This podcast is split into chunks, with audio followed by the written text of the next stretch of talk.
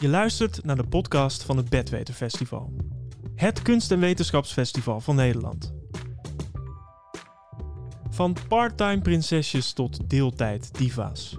Er zijn talloze termen voor de parttime werkende vrouw. Een oer-Hollands fenomeen dat je in onze buurlanden veel minder ziet. Waarom loopt de arbeidsparticipatie van Nederlandse vrouwen achter? Hoe komt het dat vrouwen die best fulltime willen werken, toch deeltijd aan de slag gaan? Luister naar een gesprek met Tanja van der Lippen, socioloog aan de Universiteit Utrecht.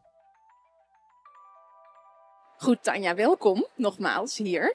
Uh, ik noemde het in mijn introductie net al wel een oer-Hollands fenomeen. Maar is dat ook echt zo? Absoluut. Ja? Wij zijn deeltijdkampioen. Van de werkende vrouwen doet 70% dat in deeltijd. En gaan we één grens over, België, is dat 40%. Zweden 30%. Het zijn niet alleen de vrouwen, maar ook de mannen in Nederland die in deeltijd werken. 30%. Vrouwen hebben kleinere deeltijdbanen, weten we. Mannen zitten vaak, als ze deeltijd werken, in grotere banen. Dus ja, het is echt een Nederlands fenomeen. En als we het over parttime hebben, hoe parttime hebben we het dan? Is dat 32 uur of is het ja. veel minder soms? Ja, we maken een onderscheid uh, in ons onderzoek. De kleine deeltijdbaan, die is zeg maar 24 uur, drie dagen per week. En de grote deeltijdbaan is 30, 32 uur per week. En die mannen zitten vooral in die 30, 32 uur. En die vrouwen, hoogopgeleide vrouwen, inmiddels ook 30, 32. Maar praktisch opgeleide vrouwen, 24 uur of minder. Als ze werken. Hoe komt dat, dat we dat in Nederland zo hebben? Ja, dat is een, uh, een belangrijke vraag. Om dit goed te begrijpen, moeten we teruggaan naar de vorige eeuw. In de vijftige jaren werkten gehuwde vrouwen niet op de Nederlandse arbeidsmarkt. Mm -hmm. Alleen maar ongehuwde vrouwen. Huwden ze, dan moesten ze van de arbeidsmarkt af. Er was ook de Nederlandse, als je bij de overheid, de Nederlandse overheid werkte, dan moest je tot 1955 moest je ook je baan verlaten. Was je bijvoorbeeld secretar, secretaresse uh, uh, uh, bij een ministerie of juf bij een basisschool, dan tot 1955, als je huwde, misschien weten jullie het nog van je oma. Nou, jullie zijn jong, overgroot, oh, nee hoor, oma, denk ik. Um, toen we, het kostwinnerideaal was het belangrijkste. De gendernorm stond centraal. Dat ging veranderen in de zestiger jaren. Want toen was de vraag naar arbeid steeds groter. We kregen migranten hè, uit Turkije en Marokko, weten we. Maar bedrijven zoals Philips en Verkade uh, uh, zochten ook naar de gehuwde vrouw. De gehuwde vrouw kwam op het werk, werd overigens apart gezet van de niet gehuwde vrouw. Dus om het verschil duidelijk te maken. Maar omdat kostwinnerideaal zo belangrijk was, begonnen ze allemaal in een deeltijdbaan. Maar waarom was dit dan in Nederland zo?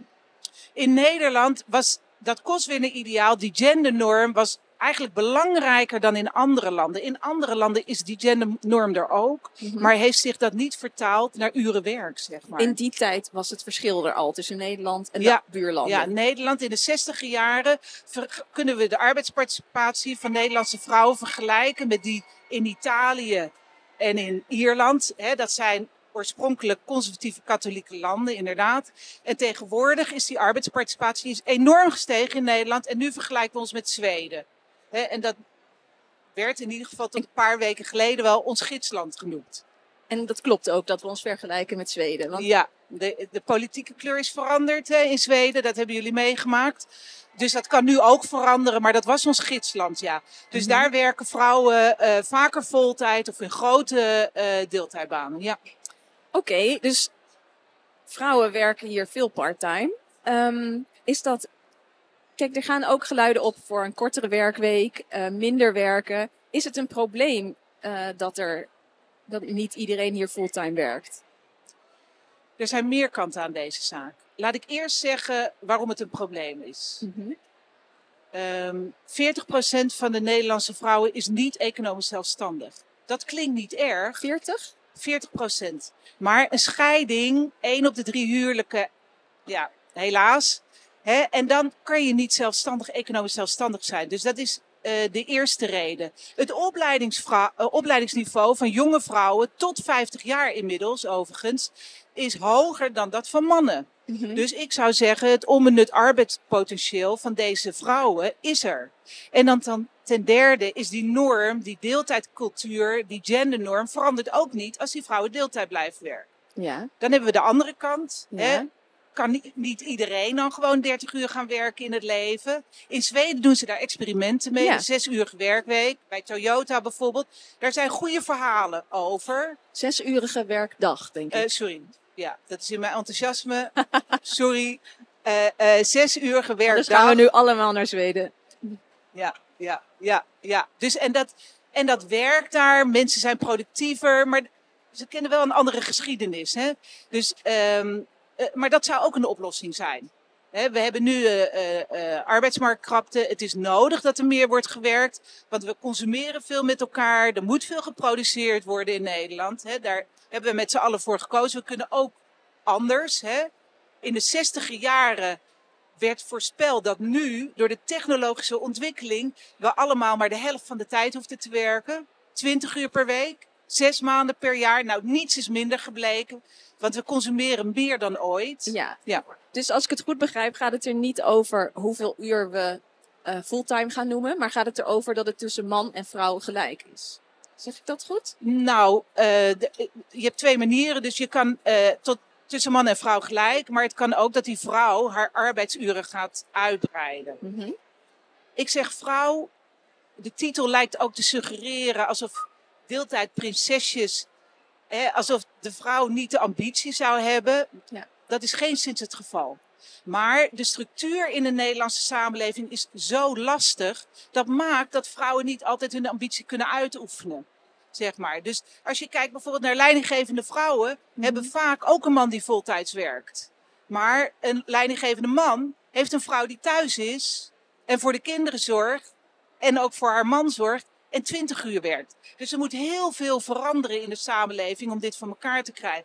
Denk aan combinatiebanen, roostering. Ja, daar wilde ik. organisa- Oké. Nee, dat wilde ik namelijk net gaan vragen. Maar Omdat je ehm, dat verschil over dat, nou, wat je net noemde.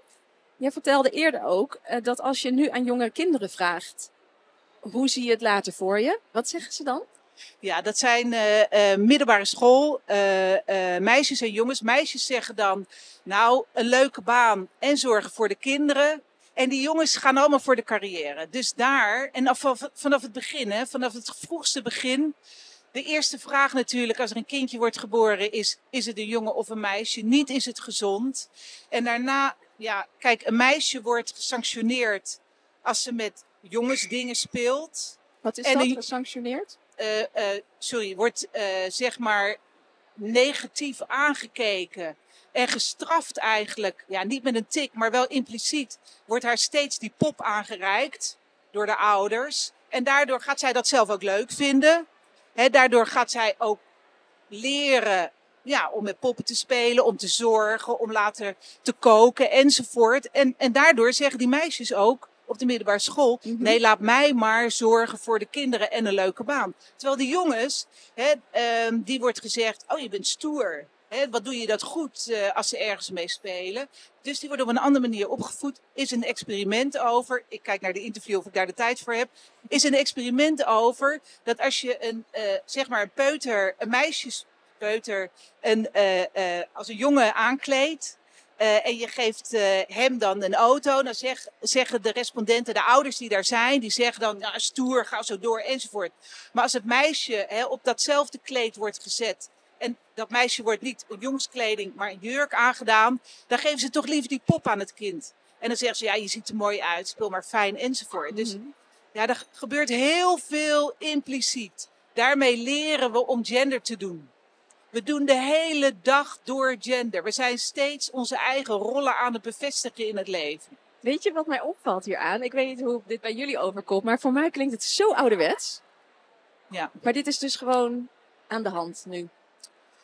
Ik, ik geef de extreme versies. Hè. Eh, er zijn verschillen. Dus we zeggen ook er zijn moderne normen, er zijn traditionele normen. Mhm. Maar ik denk dat iedereen wel herkent in zijn of haar omgeving dat je, ja, dat je geneigd bent om dit gedrag zelf ook te vertonen.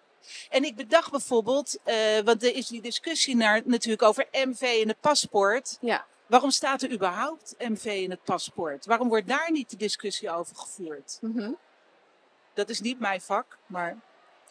Maar we opperen het toch eventjes. Even terug naar die, eh, die eh, arbeidsparticipatie. We hebben op dit moment een hele krappe arbeidsmarkt. Ehm, stel, we willen de samenleving anders inrichten en meer vrouwen aan het werk krijgen. Of in ieder geval dat ze meer gaan werken. Wat zijn dan de knoppen waar we aan kunnen draaien? Ja, dus het is duidelijk, het gaat niet over een fix the women approach, maar een fix the system. Iedereen moet meedoen. Die deeltijdnorm die bestaat al sinds de jaren 60, die veranderen we niet zomaar. Het gaat over kinderopvang. Het gaat over ouderschapsverlof. Bijvoorbeeld vaders, we liepen enorm achter. Nu is het negen weken, 70% betaald. Daarmee lopen we in Zweden, is het ehm 16 maanden voor beide partners, moet 80% betaald na de geboorte van een kind. En moet de man tenminste drie maanden opnemen. We liepen als Nederland helemaal achter. We moesten van Europa Ja. dit vergroten.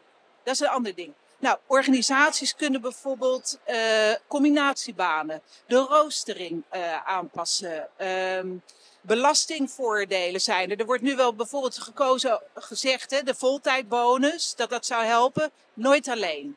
Dit gaat nooit alleen werken. Hier hebben we echt een lange adem met elkaar voor nodig. Tenminste tien jaar. En dan is dat ja, een heel pakket van maatregelen. Want de voltijdbonus gaat alleen over geld. Maar ik, ik hoor jou zeggen, we moeten iets in de normen echt gaan veranderen. Ja, ja het was deze week eh, eh, van het Sociaal Cultureel Planbureau. Ja, dat, dat weten we natuurlijk wel. Er is veel aandacht voor eh, als, als er een kleinkindje wordt geboren, dan gaan, gaan moeders minder werken. En daar gaat de aandacht naartoe in het beleid. Maar die vrouwen blijven in deeltijd werken, zeg maar. En dan wordt er geopperd de voltijdbonus. Zou dat maken dat ze meer gaan werken? Nee, want ze doen het niet alleen voor het inkomen. Nee, ze doen het bijvoorbeeld ook eh, voor, eh, eh, ja, voor collega's en zo. We hebben een. een eh, om Hoe dit bedoel te, je voor collega's? nou, we hebben een, een, om dit te onderzoeken. Is best lastig. Als je vraagt aan mensen wat wil je eigenlijk, vinden mensen lastig om te beantwoorden. We hebben een vignet-experiment gedaan waarbij we verhaaltjes gaven aan mensen. En dan konden ze kiezen tussen twee opties. Stel je krijgt een kind. Hè, dus aan jonge mensen tussen de 20 en de der- 35 werd het gevraagd. En eh, je, hebt, eh, je hebt collega's die supportive zijn. Dus die vinden dat goed als je in deeltijd gaat werken. Eh, of juist niet. Het doet afbreuk aan je carrière. Of nee, het maakt niks uit voor je carrière. Je hebt een partner die evenveel verdient, die meer verdient of minder verdient. Voor vrouwen bleek het belangrijkste of ze support krijgen van collega's. Dan gaan ze minder werken. Dus als die dat ook doen, gaan zij dat ook doen. Oh ja. Voor mannen blijkt het carrière eh, argument het belangrijkste. Dus als zij geen carrière meer kunnen maken als ze deeltijd werken, dan blijf je voltijd werken. En daarnaast bleek, als de vrouw evenveel verdient als haar man, gaat zij minder werken. Maar verdient de man evenveel als haar, zijn vrouw, dan blijft hij evenveel werken. Pas als zij meer verdient, Ja. gaat ze minder werken. In de paren van nu is dat nog niet zo vaak het geval dat die vrouw iets meer verdient dan die man. Want gemiddeld genomen zijn mannen net twee jaar ouder dan in de relatie dan de man. Oh ja? Zijn net iets verder in de carrière daarmee. Hè? Dus eh, ja, dit is een. ehm, dus dit verandert niet zomaar.